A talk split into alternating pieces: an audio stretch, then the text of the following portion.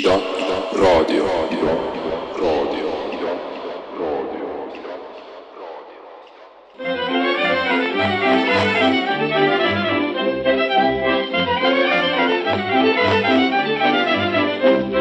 Kord ligadi, logadi, sõitsime maha looma uue vankriga küll üles pidime, küll alas pidime, nii et tolmupilv käis üle päe. küll üles pidime, küll alas pidime, nii et tolmupilv käis üle päe.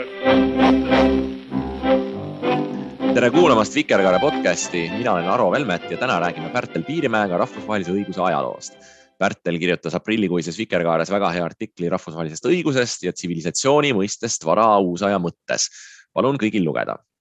Pärtel, praegusel keerulisel ajal on õhus palju küsimusi, mida võiks lugeda rahvusvahelise õiguse valdkonda kuuluvateks. isegi kui me meediatarbijatena seda kategooriat võib-olla igapäevaselt ei teadvusta. küsimused nagu näiteks, et kas Venemaa paneb Ukrainas toime genotsiidi või mis tingimustel on üleüldse ühel riigil õigus alustada sõjategevust, vabandust, erakorralist sõjalist operatsiooni äh, teise riigi territooriumil. kas sa avaksid alustuseks natukene, millest me siis õieti räägime, kui me räägime rahvusvahelisest õigusest, millised on need probleemid, millega rahvusvaheline õigus tegeleb? tervist ka minu poolt ja aitäh kutsumast, et kui me räägime rahvusvahelisest õigusest, siis me ei räägi ju õigusest täpselt samas mõttes, kui me räägime riigisisesest õigusest. et sellest tegelikult kasvab välja juba, juba, juba tohutu hulk äh, probleeme, äh, millele siis ka ajaloos on, on proovitud nii-öelda lahendust või, või vastust leida. Et, et võib-olla kõige parem viis üldse aru saada, mis rahvusvaheline õigus on, ongi noh, heita pikka aja, pilk ajalukku ja vaadata, kuidas ta tekkis. Nii et selline võtmekoht on ikkagi või võtmeperiood on varauusaeg, kui siis mitmed Euroopa reeglina protestantlikud mõtlejad arutlesid, et lisaks siis riigisisesele õigusele peavad olema mingisugused universaalsed reeglid, mis seovad kogu inimkonda. aga küsimus siis oli kohe algusest peale selles, et kust sellised reeglid tulevad, nii et see on siis omaette laiem teema, kust need reeglid tulevad ja teine küsimus on siis see, et, et kes on siis sellise õiguse subjektid. noh, järk-järgult jõuti siis arusaamisele, et see universaalne õigus või rahvusvaheline õigus ongi siis õigus, mis, mille subjektiks on riigid. Et mitte siis üksikisikud üle kogu maailma, vaid riigid ehk siis suveräänid peavad siis alluma nendele reeglitele. ja kolmas noh, suur küsimus võiks öelda, on siis see, et millises mõttes ja mis viisil need reeglid on siduvad. et siin ongi just see äh, tohutu erinevus riigisisese õigusega ja me teame, et õigus on see, mille seadusandja on õigusena sätestanud, sellega kaasnevad selged karistused ning noh, riigi sees me üritame ka tagada, et õiguse rikkujat ka alati karistatakse. et selles mõttes rahvusvaheline õigus on, on natuke midagi muud, et nad on kuskil ütleme moraalireeglite ja õigusreeglite vahepeal. et, et mingis mõttes me saame neid rikkujaid karistada, aga mitte samal viisil, samasuguse järjekindlusega äh, nagu riigisisese õiguse rikkujat. et selles mõttes noh, tulekski seda rahvusvahelist õigust nagu mõelda, et see õiguse mõiste on natuke eksitav. tegelikult me peaks mõistma laiemalt kui sellist õiguslike, eetiliste, moraalsete reeglite äh, kogumit äh, mis siis tekivad või mida me avastame erinevatel viisidel. Nad võivad olla siis mingid sellised mõistusega tuletatavad reeglid, mis me kõik saame aru, et selleks, et inimühiskond üldse toimiks, me peame mingitest reeglitest lähtuma. Ja teiseks siis võivad olla spetsiifilisemad reeglid, mida me nii-öelda kokku lepime lisaks nendele alusreeglitele. nii et me saame siis nii-öelda rahvusvahelist õigust ka, ka täiendada ja edasi arendada. noh, see on nii-öelda kõige niisugune esimene kaardistamine praegu selle väga avara probleemi puhul no selle kaardistuse äh, juures minu meelest tuleb päris kenasti esile see üks pinge rahvusvahelise õiguse juures, mis on selline pinge teooria ja praktika või võib-olla siis äh, realismi ja idealismi vahel, et, et ühelt poolt me võiksime rahvusvahelisest õigusest mõelda kui äh, mingitest reeglite kogumit, mm, kogumist, kuidas riigid võiksid toimida. aga siis võib sellest ka mõelda teistmoodi kui sellisest praktika kaardistamisest, et kuidas riigid tegelikult omavahel käituvad, kuidas sa sellest eristusest mõtleksid või on see üldse selline produktiivne äh, vahetegemine? jah, see on tegelikult hästi oluline eristus ja, ja tooksin äh, siinkohal noh, ühe niisuguse võtmetegelasena mainiksingi äh, Emmer de Vattel, kes oli siis äh, Šveitsis või täpsemalt Neuchâtelis äh, tegutsenud õigusfilosoof valgustusajal kaheksateistkümnendal sajandil ja tema just väga selgelt nägi seda pinget. ja tema rahvusvahelise õiguse äh, selline noh, teos, mis oli tõepoolest väga mõjukas, et me näeme seal kahte dimensiooni, üks on siis selline idealistlik dimensioon, mis on siis suunatud sellele, et kõik riigid peavad püüdlema siis täiustumise suunas, perfektsuse suunas, äh, peavad äh, ka toetama teisi riike perfektsuse arendamisel ja nii edasi. et selline noh, ütleme ideaalpilt, mis kaardistab justkui seda teed sellise rahvusvahelise harmoonia suunas. ja samas ta andis väga selgelt aru, et eh, riigid on justkui indiviidid, kellel on kõigil oma spetsiifilised huvid ja alati ei õnnestu siis nende vahel tasakaalu leida. nii et lisaks siis sellele ideaalpildile ta sätestas ka ütleme sellise realistliku arusaama, et kui me seda ideaali ei saavuta, et mida siis riigid võivad enda huvides üldse teha. ja sinna juurde tegelikult kuulus ka siis näiteks sõjapidamisõigus. et kui siis tõesti sinu õigusi on rikutud või sulle kallale tungitud, et sul on õigus siis ka relva kasutada. nii et see kõik kogu selle idealismi juures niisugune fundamentaalne enesesäilitamis või enese huvide kaitsmise eh, õigus jäi alati alles. ja no mis oli selle realismi pluss, on see, et et ütleme, kui varasemal ajal, enne siis varausaega keskajal äh, kujutati, ütleme õigusrikkujat kui sisuliselt kriminaali, kelle noh, suhtes võis rakendada sellist samasugust karistust nagu kriminaali suhtes, siis nüüd varausajal saadi aru, et, et selleks, et tegelikult vägivalda vähendada, peaks ka äh, sõjas kehtima mingid äh, reeglid. nii et kui siis juba sõda on alanud, siis me ei, ei kohtle vastast kui kriminaali, kes tuleb hukata, vaid tegelikult mingis mõttes on see sõda ikkagi justkui reguleeritud selline õiguslik protsess. nii et siin ongi kahte dimensiooni, ühest küljest me üritame sõda ära kaotada, aga samas, kui see juhtub, siis me käsitleme seda, seda äh, justkui mingi sellise äh, noh, paralleelselt nagu õigusprotsessiga kuskil, kuskil kohtus kus meil ei ole kõrgemat kohtumõistjat ja inimesed siis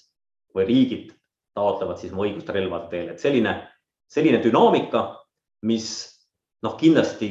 ei rahuldanud paljusid. Äh, ja ka näiteks Kant oli selle suhtes sügavalt kriitiline, et, et, et me peaksime nii, niimoodi eesmärgiks seadma ikkagi sõdade ärakaotamist, aga noh, praegu mulle tundub, et me oleme ikkagi osaliselt jätkuvalt selles, selles Matteri ajas, et see Kanti ideaalpilt, demokraatlik rahu, et see kehtib äh, või toimib Äh, suurepäraselt demokraatlike riikide vahel, aga noh, globaalsel skaalal me näeme, et me ei ole õnnestunud, meil ei ole õnnestunud neid sõdasid ära kaotada. Ma tooks selle äh, teoreetilise arutelu kohe kiiresti äh, praktiliste küsimuste juurde. et, et mulle tundub, et seesama küsimus, et, et näiteks kuidas me peaksime kohtlema ühte riiki, kes selliseid ideaalseid rahvusvahelise toimimise reegleid rikub, et see küsimus on näiteks õhus ka praeguse Ukraina sõja juures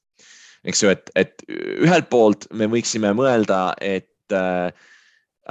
Venemaa on siin Ukrainat rünnates selgelt rikkunud äh,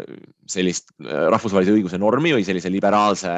maailmakorra äh, põhinormi mitte alustada sõjategevust teise suveräänse riigi vastu. nii et me peaksime Venemaad kohtlema kui paariat, kui kurjategijat ja, ja siis teisalt sellisest realistlikust vaatepunktist, äh, kus meie eesmärgiks on vähendada vägivalda või jõuda mingisuguse sellise äh, tsiviliseeritud lõpptulemuseni, kus, äh, kus võimalikult vähe inimesi saab hukka, siis võib-olla me peaksime kohtlema Venemaad kuidagi teistmoodi, otsima, äh, otsima kompromisse, jõudma võib-olla selliste lahendusteni, mis sellise moraalse õiglustunde seisukohalt võivad tunduda ebapiisavad. Et noh, et kuidas siis nüüd üks riik äh, rikub nii räigelt äh, selliseid põhimõttelisi moraalireegleid ja ometigi me jätkame temaga läbirääkimist ja võib-olla isegi jõuame mingisuguse lahenduseni, mis, mis otseselt ei karista äh, seda riiki selle üleastumise eest, et kuidas äh,, kuidas sina sellest dilemmast siin mõtled, kas äh,, kas rahvusvahelise õiguse ajaloost on, on abi kuidagi selle probleemi lahendamisel? ja see on väga hea küsimus ja ma arvan, et tegelikult on küll abi, et, et noh, me näeme praegu, et äh, rahvusvaheline kogukond üritas sellest Vatteli probleemist üle saada sellega, et äh, siis alates kahekümnendatest äh, Briand Kelloggi paktist, kus siis üritati keelata nii-öelda agressiivseid sõdu kuni siis neljakümne viienda aasta ÜRO hartani, kus see ka reaalselt keelati. tegelikult selline agressiivne sõda, nagu Venemaa praegu peab, on väga selgelt kriminaliseeritud. ja noh, ideeks oligi see, et rahvusvaheline kogukond käsitlebki seda justkui kriminaalse sõjana, äh, asub siis ohvri poolele ja karistab agressorit. Aga ikka seesama probleem, et meil ei ole rahvusvahelist suverääni peale sellesama ÜRO ja tema julgeolekunõukogu, kes suudaks siis neid selliseid sanktsioone rakendada ja kriminaali karistada ja kui nüüd riik, mis peab vastutama selle õiguskorra säilimise eest, on tegelikult sellesama julgeolekunõukogu vetoõigusega liige, siis meil justkui ei olegi kuritegu. et kui me nüüd lähtume sellest nii-öelda positiivsest rahvusvahelise õiguse kontseptsioonist, siis see, et me saame Venemaad kriminaaliks kuulutada, äh, sõltub sellesama julgeolekunõukogu otsusest. et justkui õiguslikus mõttes Venemaa ei olegi äh, kriminaal, samas kui me kõik teame, et äh, ta on agressiivse sõja toime pannud. nii et, et see juba näitab, et me peame tegelikult väljuma sellest väga kitsalt positiivsest paradigmast ja me olemegi sealt väljunud. et me näeme, et ÜRO harta sellisel kujul ei tööta ja me peame mõtlema sellest rahvusvahelisest õigusest rohkem just mitte niivõrd kitsalt juriidilises, vaid sellises moraalses võtmes. Ja tõepoolest rahvusvaheline kogukond on ka seda teinud, just eriti reljeefsed nii-öelda demokraatlikud läänerikud riigid ja nende liitlased, kes noh, väga sügavalt on veendunud selles, et agressiivsed sõjad tuleks keelustada ja me näeme siis teisel pool üksikuid paariariike, kes siis, kes siis äh, on Venemaa äh, poolt hääletanud ja siis suur hulk ka selliseid, selliseid kõhklejaid või ettevaatlikke riike. Et noh, mida sellest järeldada saab, on see, et me tegelikult vaikimisi ikkagi oleme pöördunud tagasi sellesse äh, Vatteli aega, kaheksateistkümnendasse sajandisse, kus me peame nüüd nentima, et olukorras, kus ÜRO põhikiri tegelikult ei toimi, me peame siis lähtuma mingitest muudest reeglitest või põhimõtetest. ja Vatteril äh, noh, oligi küsimus selles, et mis need muud sanktsioonid siis on, kui me ei saa, kui meil ei ole maailma suverääni, kes karistaks. Ja ta tõi välja väga palju erinevaid asjaolusid ja ta ei olnud siis ainus, noh, see on juba ka Krootsiusel ja teistel äh, nendel kaasaegsetel, et riigid tegelikult täidavad neid rahvusvahelise õiguse reegleid Äh, sellepärast, et see on nende endi huvides. see on nende endi hästi mõistetud või nii-öelda valgustatud oma huvi dikteerib seda, et nad tahavad pälvida teiste riikide usaldust, et ka tulevikus nendega koostööd teha. mitte ükski riik ei ole maailmas nii võimas, et ta ei vajaks äh, teiste riikidega koostööd või satuks ise mingil äh, puhul hätta ja selle jaoks on vaja näidata ennast usaldusväärse partnerina. ja just usaldus on see, et tegelikult noh, millele ju tegelikult kogu see positiivne õigus samuti toetub. Kui me küsime, et miks äh, kokkulepped kehtivad, siis nad ei kehti sellepärast, et me oleme niimoodi kokku leppinud, sest nii tekiks siis lõputu regressioon, et me lepime kokku, et me täidame oma kokkuleppeid, aga miks, miks me siis seda esimest kokkulepet täidame? et see on ikkagi tagasiviidav mingile universaalsele õiguslikule põhimõttele või ratsionaalsele mõistusõigusele, ütlesid siis need autorid, et me peame oma kokkuleppeid täitma ja paljud siis ütlesid, et, et seda toetab siis ka see valgustatud omahuvi, et see on meie endi huvides sellistele reeglitele alluda. ja noh, nüüd Venemaa puhul me näemegi ju väga selgelt seda, et, et miks oli siis see moraalne šokk nii kohutav, on see, et Venemaa isegi ei püüdnud äh, teeselda, et äh, ta neid reegleid täidab. tuletame meelde seda veebruari, kus äh, Ameerika Ühendriikide luure ütles, et Venemaa Äh, on valmis rünnakuks ja proovib konstrueerida ettekäänet selle tegemiseks. ja võib-olla, mis šokeeris kõige rohkem, on see, et nad isegi ei näinud, ei vaevunud seda ettekäänet, ettekäänet leidma. Äh, et kogu see äh, šaraad või näitamäng, mida nad tegid Krimmi puhul, et me ei ole seal, et on mingid tundmatud eraldusmärkideta inimesed, kes ostsid poest relvi või et Donetskis on mingid kohalikud vabatahtlikud, et kogu see näitemäng heideti kõrvale ja väga räigelt väga julmalt ja väga otseselt ja võib-olla isegi demonstratiivselt rikuti siis seda rahvusvahelise õiguse kõige olulisemat sammast ja seetõttu on ka see reaktsioon, reaktsiooni tugev. et nüüd jälle vaadata ajaloost, siis ka needsamad Varause autorid rõhutasid just sellist äh, aspekti, et oluline ei ole mitte ainult see, et sa neid reegleid täidad, vaid isegi see, kui sa ainult teeskled, et sa neid reegleid täidad. juba see aitab nii-öelda alal hoida sellist, äh, kuidas öelda, moraalset kogukonda. et, et sageli lihtsalt oli võimatu ilma neutraalse kohtuniku olemasoluta öelda kindlalt, et kas keegi on mingit lepingut täitnud või ei ole täitnud. aga juba ainuüksi see, see äh, teesklus, et ma seda täidan, see tegelikult äh, sunnib mind teatavatest tegudest loobuma, nii et kõik sellised, ütleme, avalik hukkamõist, äh, moraalne, rahvusvaheline kogukond ja kõik sellised mõisted, mida tollal hästi palju kasutati, tulevad tegelikult nüüd jälle, jälle sisuliselt käiku. Jah, nagu seetõttu, kuna ma olen, nagu ma olen mitu korda öelnud, see positiivne äh, juriidiline rahvusvaheline õigus lihtsalt hetkel ei toimi. paljud kriitikud on selle praeguse sündmustiku juures äh, esitanud selle küsimuse, et, et, et kui hästi see moraalne kogukond siis minevikus toiminud on või ütleme nii viimase poole sajandi või siis sellise teise maailmasõja järgse perioodi jooksul sest et ühelt poolt pärast teist maailmasõda ehitati üles need äh, diplomaatilised institutsioonid, alustades ÜRO-ga, mis siis äh, pidid justkui tagama selle, et selline reeglitepärane maailmakord püsiks ja et oleks mingisugune formaat, kus siis saaks riikidele vähemalt äh, moraalselt ette heita nende reeglite täitmist või mittetäitmist, isegi kui see ei viinud sageli mingite konkreetsete sanktsioonideni. aga et praktikas võiks seda perioodi tõlgendada kui sellist Ameerika Ühendriikide hegemoonia all toimunud, toimunud maailmakorda, kus need reeglid kehtisid riikidele, kes ei olnud Ameerika Ühendriigid sisuliselt, eks ju, sest et meil on palju näiteid sellest, ütleme näiteks viimasest kahekümnest aastast, kus Ameerika Ühendriigid ise on neid põhimõttelisi reegleid jämedalt rikkunud, näiteks tunginud ilma ÜRO loata äh, Iraaki pannud korda sõjakuritegusid, mille eest äh, neil mingit äh, otsest juriidilist vastutust ei ole, sellepärast et äh, ühena vähestest riikidest ei kuulu nad rahvusvahelise kriminaalkohtu giidi alla. ja et Venemaa viga siin oli lihtsalt see, et, et nad nii-öelda paljastasid selle süsteemi silmakirjalikkuse, käitudes niimoodi, nagu Ameerika Ühendriigid käitusid viisteist aastat tagasi näiteks Iraagi puhul, noh tõsi, Iraagi puhul vähemalt seda šaraadi nii-öelda siis hoiti alles ja räägiti kaunist juttu demokraatia ehitamisest ja, ja muust taolisest. aga noh, et, et Venemaa tegi seda natukene reljeefsemalt, aga, aga lõppkokkuvõttes äh, ei teinud midagi, mida selles süsteemis juba äh, keegi teine ei oleks äh, varem katsetanud. ja see on nüüd tõesti väga hästi võtad kokku need tegelikult eh, noh, nii-öelda Venemaad õigustavad jutupunktid, et mida siis ütleme, Lavrov on siin, eh, kui kaua ta nüüd on välisminister olnud, paarkümmend aastat on, on, on kogu aeg esitanud ja, ja noh, siin on selles mõttes nagu ikka sellistes äh, konstruktsioonides, et, et see toetub mingis osas tõele ja siis ülejäänud on siis sinna külge konstrueeritud siis vastavalt sellele äh, oma, oma eesmärkidele. et noh, ma võib-olla alustaksin nüüd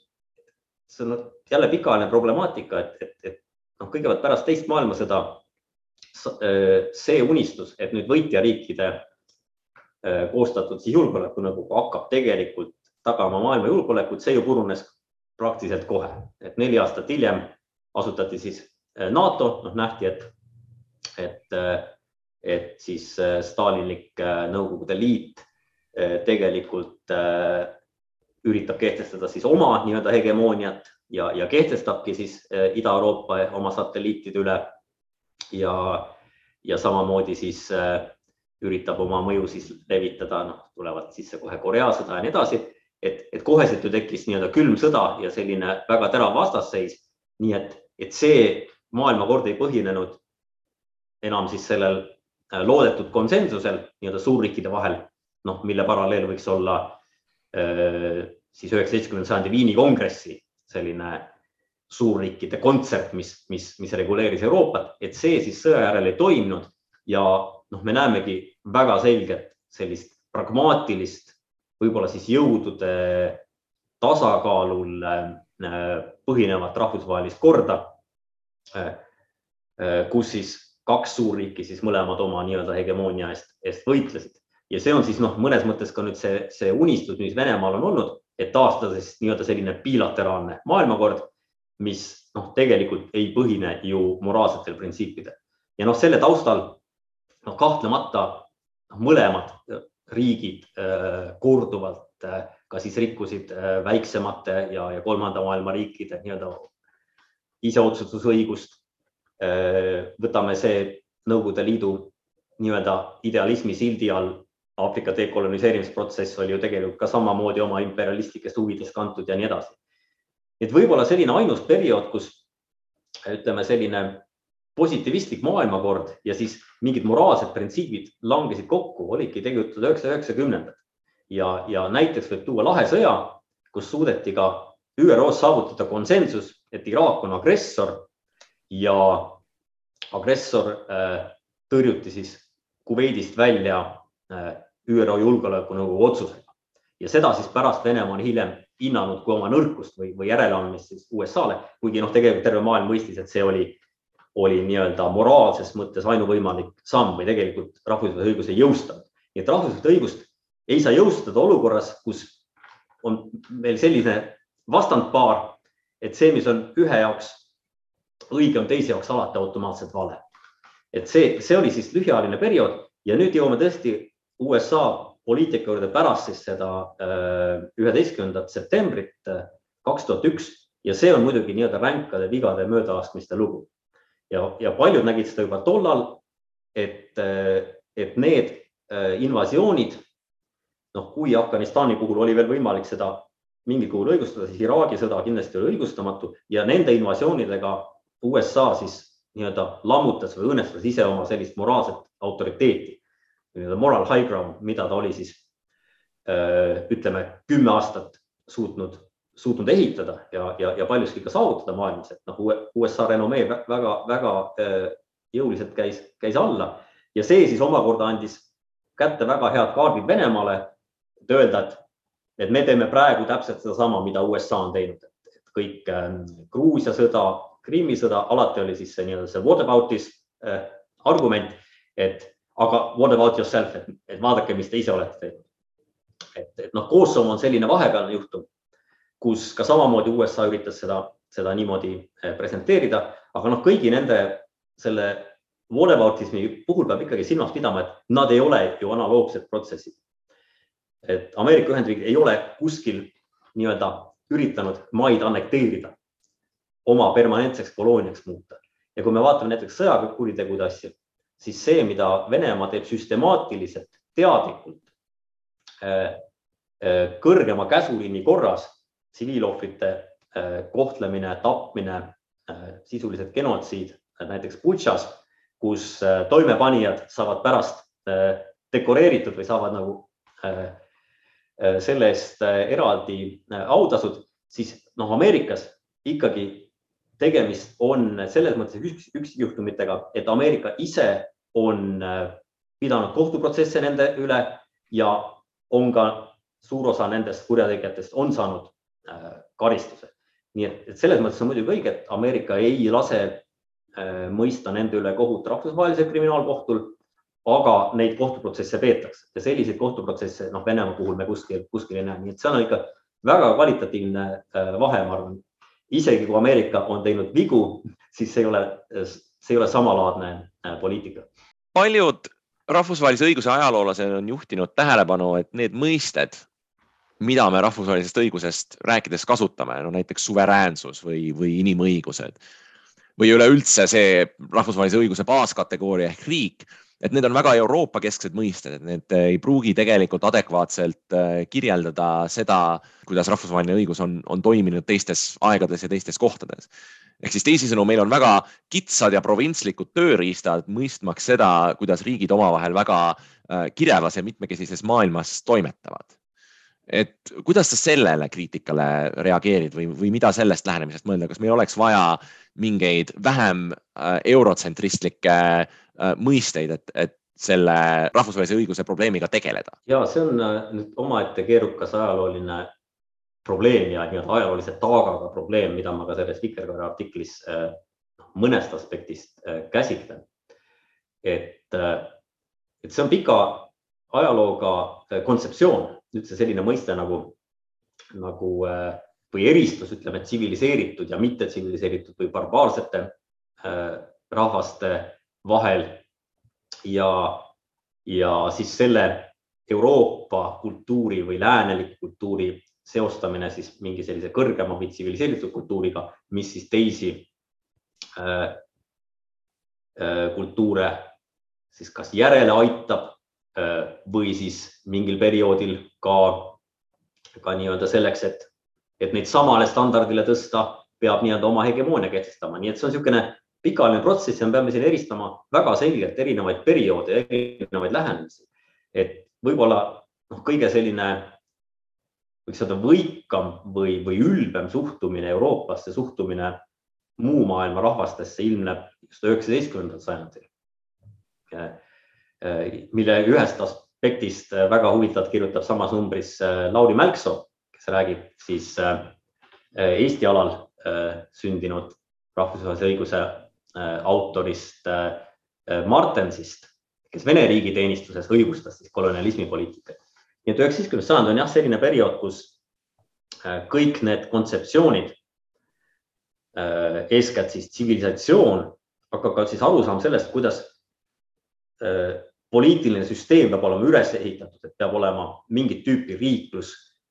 mingit tüüpi suveräänsus, mingit laadi kaubandusregulatsioonid, et kõik see, mis Euroopas oli, seda hakati pidama siis nii-öelda üldkehtivaks või universaalseks normiks ja see omakorda õigustas siis ka äh, eurooplaste äh, koloniaalpoliitikat. ja, ja siin on ka huvitav kontrast, et noh, paljud sellised tuntud autorid, kes on äh, just liberaalidena ajalukku läinud, näiteks John Stuart Mill. minu lemmiknäide jah. tunnevad, tunnevad kui suurt liberaali, siis tema liberalism kehtis ainult Euroopa piirides. mujal maailmas oli ta väga tugevalt kolonialismi usku ta pidas no,. mida on ka lihtne põhjendada, arvestades, et tegemist oli äh, suure osa oma karjäärist Briti Ida-India kompanii ametnikuga. just, just ja, ja ta alles, ta loobus sellest tööst siis, kui Briti India allutati otse Briti riigile. ehk siis tema töökoht kaotati. just, just, aga tema siis jah, on väga-väga erinevad teosed, üks on siis selline liberalism Euroopas ja teine on siis imperialism mujal Euroopas ja kõik muud maailma rahvad peale eurooplaste pandi ühte patta kui täielikult barbarid, kes ei ole võimelised omavaheliseks koostööks. Ja nii edasi ja nii edasi, nii et selline väga, kuidas öelda, radikaalne pilt, mis tegelikult ei tuginenud sellisele empiirilisele antropoloogilisele analüüsile maailma rahvaste erinevatest kommetest, traditsioonidest ja, ja ka õigusest. Nii et see on siis üheksateistkümnenda sajandi äh, pilt, mis noh, võib öelda tõesti, et tervikuna üsna häbiväärne peatükk Euroopa ajaloost aga nüüd on tehtud seda viga, et, et seda äh, pilti on siis nii-öelda ekstrapoleeritud või laiendatud ajas nii edasi kui ka tagasi. noh, ühest küljest on mugav väita, selline postkolonialistlik kriitika on see, et, et kogu kahekümnes sajand ega kahekümne esimene sajand on täpselt sama asja edasikestmine. et me nii-öelda jälle kaotame ära siis need erisused või muutused. Ja siinkohal tuleb ka tähele panna ju, ju seda asjaolu, et, et see kolonialismist vabanemine on ka äh, tegelikult paljuski just selline euroopalik projekt, sest need ideed, mille äh, pinnalt näiteks Aafrika kolooniad nõudsid omal iseseisvust, on väga selgelt euroopalikku päritolu, need on siis suveräänsus, rahvaste enesemääramine ja nii edasi. Nii et need printsiibid, mida eurooplased ise olid välja töötanud, nüüd öeldi, et aga võtame siis nüüd neid, hakkame neid siis nüüd tegelikult realiseerima või võtame neid siis nüüd tõsiselt ja muidugi väga paljud Euroopa äh, nii-öelda filosoofid, õigusteadlased olid neile selle juures toeks. et see on üks aspekt ja teine, teine selline ekstrapoleerimine on siis tehtud minevikku ja on öeldud, et kogu see kolonialism ja imperialism on olnud alati rahvusvahelise õiguse mõte ja eesmärk. Ja see on nüüd ka selline lihtsustamine, mida ma selles artiklis äh, üritan äh, ümber lükata ja näidata, et seda noh, tsivilisatsiooni mõistet on tegelikult kasutatud väga mitme, mitmetahuliselt. Ja ei ole alati olnud nii, et, et see on suunatud kuidagi muu maailma vastu, vaid me näeme, et väga palju töötati selle mõistega just selle nimel, nii-öelda Euroopa sisest poliitilist kultuuri ja rahvusvahelist äh, suhtlust, rahvusvahelist äh, süsteemi nii-öelda paremaks teha. Kas sa tooksid äkki sellest äh, mõne näite, no sa räägid oma artiklis Hugo Grotiusest, eks ju, kes kasutab sedasama tsiviliseeritud ja tsiviliseerimata äh, rahvaste eristust, aga, aga teeb seda ikkagi oluliselt enne seda Euroopa kõrgkolonialismi aega, et, et mille poolest siis tema mõistekäsitlus erineb siis äh, näiteks sellest samast John Stuart Millist? Grotius oli, ütleme kõigepealt see, tema kasutatud mõiste tsiviliseeritud rahvas et see oli huvitav, et ta sugugi ei arvanud, et eurooplased on tsiviliseeritud rahvas, rahvad. tema jaoks need tsiviliseeritud, tsiviliseeritud rahvad olid ajaloolised rahvad ehk siis kreeklased, aga eeskätt roomlased. nii et roomlased oma siis selle õigusliku kultuuriga olid siis nii-öelda tsivilisatsiooni musternäide ja eurooplased olid selle kaotanud või siis, eks öelda ka bar barbariseerunud või, või sellises kristlikus moraalses mõttes korrumpeerunud. Äh, aga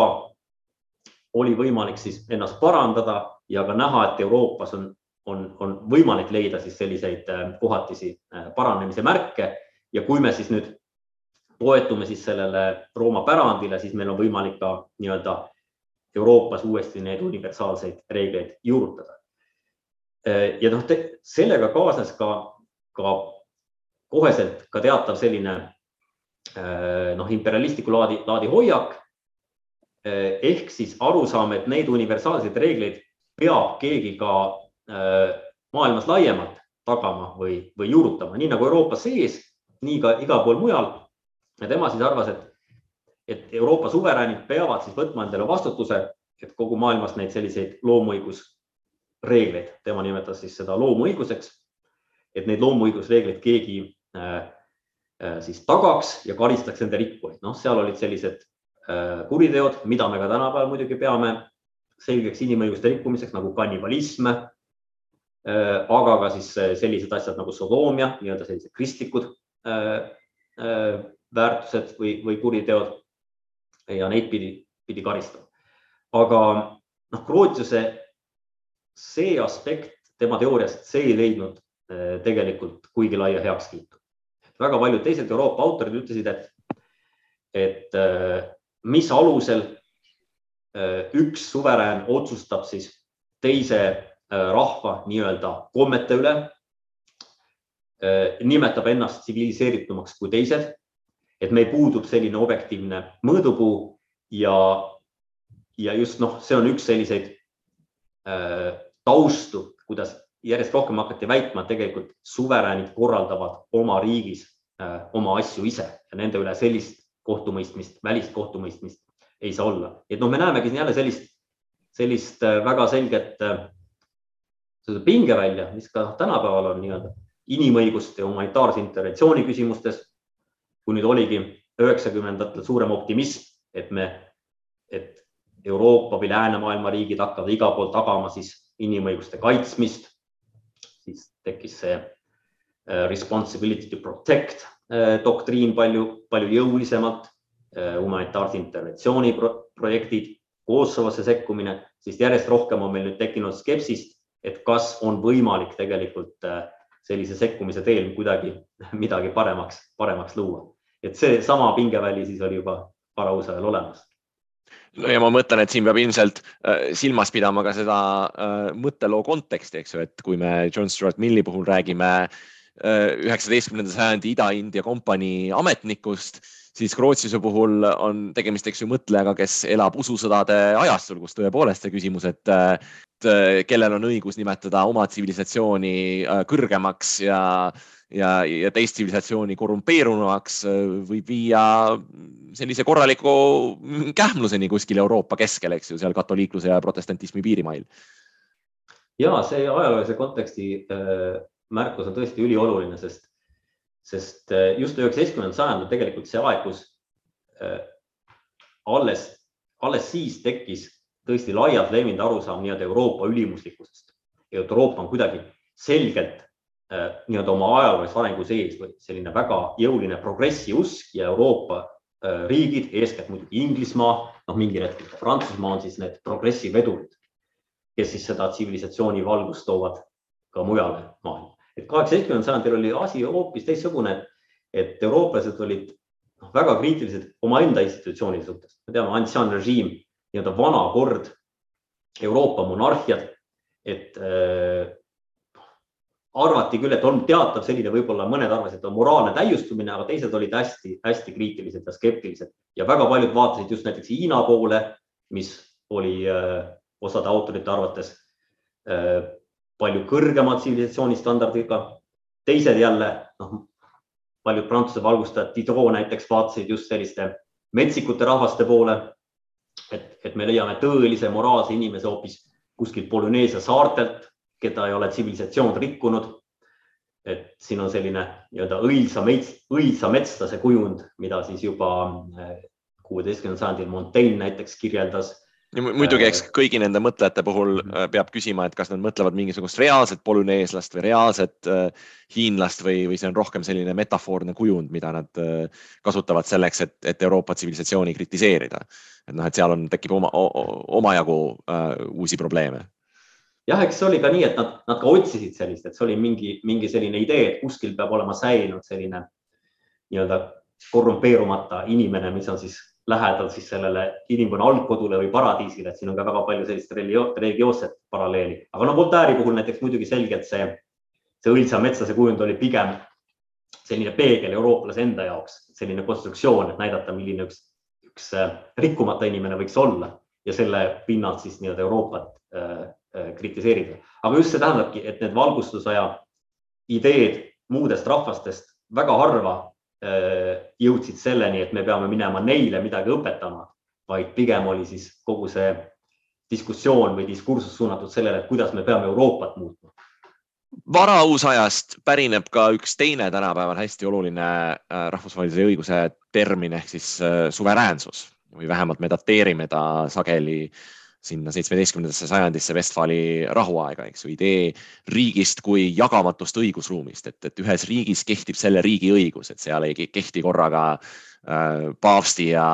ja, ja printsi õigus, vaid on, vaid on üks õigusruum äh,. ja miks see tundub mulle praegu nii oluline, on, on see, et äh,, et see on üks termin, mis, mis kerkib üles kogu aeg sellistes äh, äh, konservatiivsetes globaliseerumise kriitikates, eks ju, või sellise nagu rahvusriigi allakäiku kuulutavates äh, kriitikates, et kui noh, ütleme, et me kuulame poliitilisel tasandil näiteks äh, Mart Helme või Martin Helme kriitikat Euroopa Liidu suunal, siis see sageli võtab sellise vormi, et, et, et Euroopa, Euroopa Liit on halb sellepärast, et ta lahustab Eesti suveräänsust, et me anname ära oma selle selle jagamatu õigusruumi loomise õiguse, mis ühel rahvusriigil peaks olema, mingisugusele äh, rahv, rahvuste ülesele kogule, kes ei ole isegi valitud mitte. Ja siin tundub jälle tulevat mängu seesama eristus äh, reaalsuse ja idealismi või, või praktika ja, ja teooria vahel, millest me sinuga oma vestlust aru, alustasime. et, et ideaalis äh,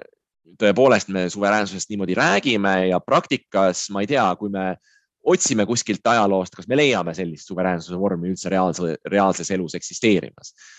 et kui, kui palju see, see suveräänsuse mõiste siin, siin abiks on või kuidas me sellest peaksime mõtlema sellel kahekümne esimesel postmodernsel sajandil, kus, kus kõiksugu äh, rahvusvahelised organisatsioonid seda suveräänsust lõhuvad ja see on ka väga hea küsimus, sest tõesti suveräänsus on justkui selline lööksõna, mille ümber on siis äh, ehitatud hästi palju äh, teooriaid. aga samas ta on alati olnud ikkagi noh, enamasti nii-öelda mõttekonstruktsioon või mingi ideaalmudel, mida, mida sellisel kujul, nagu seda on püütud konstrueerida, ei ole tegelikult maailmas kunagi eksisteerinud. ja, ja jälle, kui heidame pilgu ajalukku, siis see äh, kontseptsioon nii-öelda mingist vestfaalilikust suveräänsusest, mis äh, ütleme üheksateistkümnenda sajandi lõpus, kahekümnendal sajandil konstrueeriti. et, et kui me vaatame, mida siis Vestfaali rahu ajal tegelikult äh, äh, otsustati, siis noh, esiteks seal isegi ei kasutatud mõistet suveräänsus. Ja teiseks, mida siis Münsteris ja Osnabrükis kokku lepiti seal siis erinevate osapoolte vahel, erinevad keisririigi seisused, keiser ja siis teiselt poolt Rootsi ja, ja, ja Prantsusmaa, siis tegelikult tekkis väga keerukas poliitiline süsteem, kus ka suveräänsus Saksa keisririigis oli jagatud ühelt poolt keisri ja teiselt poolt siis vürstlike territooriumite vahel ja teiselt poolt ka see keisririk ise ei olnud iseseisev, sest Prantsusmaast ja äh, Rootsist said sellised garantiivõimud, kes võisid ka sekkuda, kui siis näiteks keiser ületas oma võimupiire äh, territoriaalvürsti suhtes ja nii edasi. Ja noh, see võib tunduda selline tehniline või antikvaarne analüüs, mida ajaloolased äh, teevad, aga tegelikult see on väga-väga tähenduslik. et kui me nüüd edasi uurime, siis selgub, et seda niinimetatud Vestfali suveräänsust, mida Vestfali ajal tegelikult ei tekkinud, ei ole ka kunagi hiljem olnud. et kogu aeg on rahvusvaheline kord olnud selline, kus, kus, äh, kus äh, suveräänide võim oma territooriumi suhtes on mingil viisil olnud piiratud. Et seda me näeme, noh, ma enne mainisin Viini kongressi, siis erinevad rahvusvahelised lepingud ja tegelikult ka alati rahvusvahelise õiguse puhul me ju näeme, et on, on mingit laadi kohustused, mida suverään võtab ka oma kodanike äh, suhtes. Äh, isegi kui need ei ole nüüd ütleme legaalselt või juriidiliselt jälle äh, jõustatavad, siis vähemalt moraalselt hukkamõistetavad ja rahvusvaheline kogukond on seda teinud nii et, et sellist absoluutset suveräänsust ei ole tegelikult äh, kunagi eksisteerinud. seda, seda Hobbesi leviaatanit, kellele me anname oma õigused ära ja siis ta võib teha nendega mida tahes, et see on eksisteerinud ainult seal leviaatani lehekülgedel ja mitte kunagi maailmas. Äh, täpselt nii jah, et selles mõttes ütleme nii, et suveräänsus on alati mingil äh, viisil jagatud ja ta on ka ajaloos töötanud siis poliitilises teoorias sellise, no ütleme visioonina. siis noh, sa tõid välja Hobbesi, aga noh, esimesena üldse kasutas seda tänapäevasema sarnases mõttes Baudin, kes ütles, et, et, et kui riigil pole nii-öelda suverääni, kelle juurde kõik võim kokku koondub, siis ta ei olegi nagu päris riik või ta on nagu mingit laadi monstrum, nii et tegelikult see oli algusest peale sellise absolutistliku äh, äh, riigivõimu äh, õigustuse teenistuses ja me tänapäeval kellelgi sellist absolutistlikku äh, arusaama ju, ju ka suveräänsusest ei ole, nii et me näeme, meil on rahva suveräänsuse kontseptsioon, aga seda teostatakse võimude tasakaalu äh, või rahvaesinduse ja võimude tasakaalu läbi väga keerukal kujul, nii et me ei saa öelda, panna näpp peale, öelda, et kogu võim kuulub äh, sellele isikule või sellele, sellele organile. et see on siis see siseriiklik dimensioon ja rahvusvahelises mõistes samamoodi, et, et see suveräänsus on, on, on mitmel viisil ära jagatud, erinevaid, me oleme loovutanud erinevaid suveräänsuse funktsioone Äh, nüüd selleks, et saada ise nii-öelda sellest äh, kasu. noh, kõige võib-olla äh, kujukam näide on see, et kui me ühineme NATO-ga, siis me ju mingil viisil võtame kohustuse teiste riikide kaitse suhtes, mis seob meie käsi, me ei ole enam suveräänsed otsustajad justkui, aga samas me loodame saada sellest, et ka teised meid abistavad ja no täpselt veelgi noh, kujukamad on erinevad siis Euroopa Liidu funktsioonid, nii et, et äh, jah, minu lühike vastus on see, et suveräänsust sõna täielikus mõttes ei olegi kunagi olnud, nii et kui keegi ütleb, et me õõnestame suveräänsust, siis see võib olla äh, puht empiirilisel tasandil õige, aga sellest ei järgne, et see on automaatselt kuidagi kuritegelik või, või vale või halb jah, see jagamatu suveräänsuse idee on, on mulle kui üheksateistkümnenda ja kahekümnenda sajandi impeeriumide uurijale alati natukene tobe tundunud, sest et, et no tõesti, ükskõik kus sa seda näiteks Prantsuse koloniaalimpeeriumis otsima hakkad, no sa ei leia seda, et, et sul on inimesed, kes käivad Prantsuse kohtutes, inimesed, kes käivad moslemi kohtutes ähm,, inimesed, kes käivad äh, kohalikus külakohtus äh, et need, neid õigusruume on palju, nad on üksteisega kattuvad aru saada, kuidas, kes üleüldse mingisugusesse jurisdiktsiooni kuulub, on, on omaette teema, millest võib kirjutada ja on ka kirjutatud äh, pikki monograafiaid. aga kui seda jagamatut suveräänsust ei ole kunagi olemas olnud, kui seda ei olnud olemas Vestfali rahuajal, seda ei olnud olemas üheksateistkümnenda sajandi kõrgimperialismi ajal, seda ei olnud olemas siis, kui loodi ÜRO ja NATO, kui seda ei ole olemas praegu, siis tekib küsimus, et, et kust tekkis ajalooliselt see illusioon sellest, et, et suveräänsus on mingisugune asi, mis on, mis on niivõrd jõuline malakas, et, et sellega saab minna äh, valimisi võitma sisuliselt või äh, hurjutada tervet äh, seltskonda inimesi kuskile tõrvikutega marssima tulema, sest et Euroopa Liit, eks ju, õõnestab meie, meie rahvuslikku suveräänsust, et kuhu me siis dateerime selle suveräänsuse kui, kui poliitilise retoorika äh, sünnihetke? väga selgelt on siin äh, see sellise suveräänsuse mõiste kujunemine on seotud tegelikult para, parallelismiga indiviidi ja riigi vahel. nii-öelda riigi personifitseerimine või, või ka võib öelda noh, biologiseerimine. et vara uusajal noh, tegelikult ju võrreldi riiki noh, keha, keha või kehandiga juba, juba keskajal, aga vara uusajal tekkis noh, väga selge arusaam, et, et noh, kuidas me peame mõtlema eh, riikidest kui mingis mõttes omavahel sarnastest olenditest kuidas organiseerida sellist rahvusvahelist segadust, kus meil on tõesti, meil on keisririik ja kuningriigid ja mingid linnriigid ja varausajal, ütleme alates umbes Machiavellist kuueteistkümnendast sajandist tekkis mingi koondnimetus, eh, noh, riik, etat, eh, stato. Eh, et kõik need moodustasid on mingis mõttes sarnased ja ühel hetkel hakati seda kõrvutama nii-öelda, et nad on justkui isikud või indiviidid. Et nii nagu indiviidid Äh, siis tuli ka kasutusele loomuseisundi mõiste, kuidas nad omavahel suhestuvad olukorras, kus indiviidid pole veel riiki loonud. samamoodi siis need suveräänid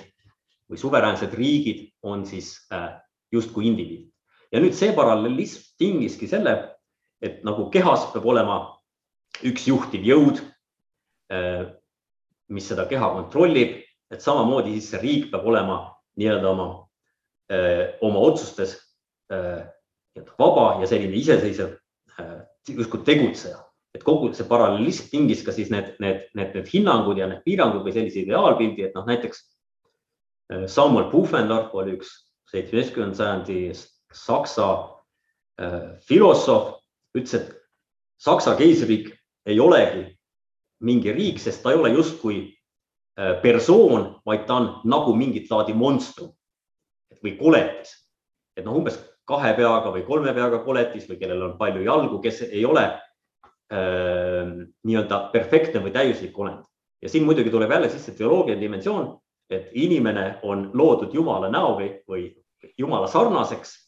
ja see riik, mille siis omakorda inimene loob, peab olema loodud samal viisil inimese enda järgi ehk siis jälle selline ideaalne Jumala sarnane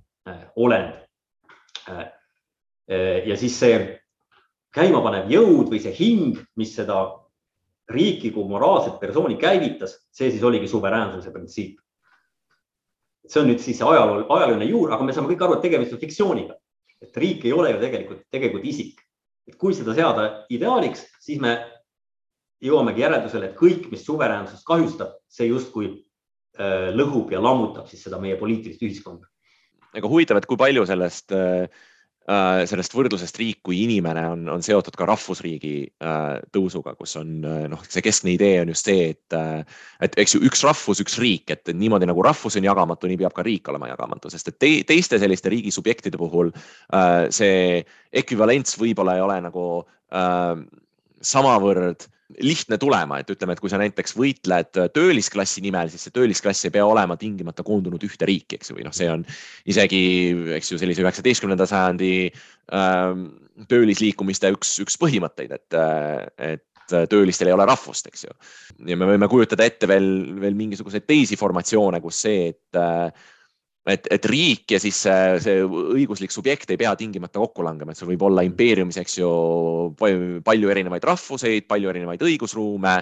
Ähm, ja, ja mitte kõigi jaoks ei ole oluline, et, et need äh, õigusruumid ja siis see riik ise niimoodi kokku langeksid. aga rahvusliku äh, narratiivi puhul on just see rahvuslik emantsipeerumine äh, see, see võtmeküsimus, eks ju, mis üheksateistkümnenda sajandi lõpul sellise suure probleemina kerkib